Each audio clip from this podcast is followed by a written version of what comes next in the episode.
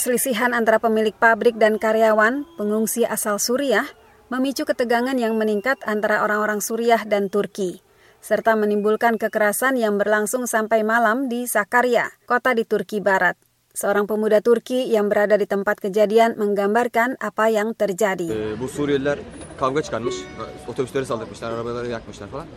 Biz de bundan dolayı hani baktık olmuyor yani. Hani durduk yere bayanlar da laf atıyorlarmış. Pemuda itu mengungkapkan orang-orang Suriah menyerang bus-bus pabrik dan membakar mobil-mobil. Ia menambahkan ini tidak bisa dibiarkan.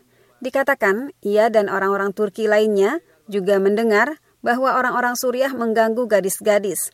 Jadi, ia bersama sejumlah orang Turki mendatangi kawasan orang Suriah dan mulai memukuli siapa saja yang mereka jumpai. Mayoritas dari 3 juta orang Suriah di Turki tinggal di luar kem-kem pengungsi. Sebagian besar mencari nafkah di kota-kota besar dan provinsi-provinsi di Turki bagian barat yang lebih makmur.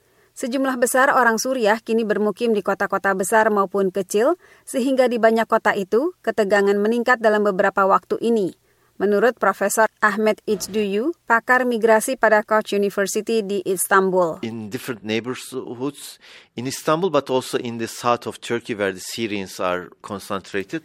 Kami lihat itu terjadi di beberapa kawasan di Istanbul, tetapi di Turki Selatan yang menjadi pusat orang-orang Suriah, sebenarnya ada ancaman yang sangat terbuka bagi orang-orang Suriah. Terjadi perkelahian dan diskriminasi. Dan sudah timbul perdebatan seperti di negara-negara barat lain bahwa mereka merebut lapangan pekerjaan dan juga masih terjadi serangan langsung terhadap orang-orang Suriah, ketegangan semacam ini terus tumbuh. Demikian dikatakan It's Do You. Ketegangan itu kini dipicu naiknya angka pengangguran, khususnya di kalangan pemuda, yang mencapai lebih dari 23 persen, hampir tertinggi dalam 10 tahun ini.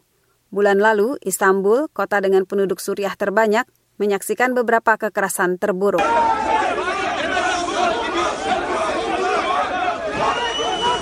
Bentrokan kekerasan selama berhari-hari terhadap orang-orang Suriah di daerah pinggiran Istanbul terjadi setelah pemuda Suriah dan Afghanistan dituduh menusuk tewas seorang remaja Turki yang berusaha mencegah para pemuda itu melecehkan seorang gadis.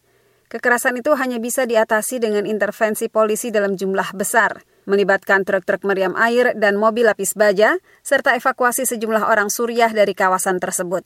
Menjelang Idul Fitri dan ribuan pengungsi mudik ke Suriah, analis mengatakan Turki bisa berharap itu menjadi tanda bahwa krisis pengungsi yang berlangsung bisa mulai mereda.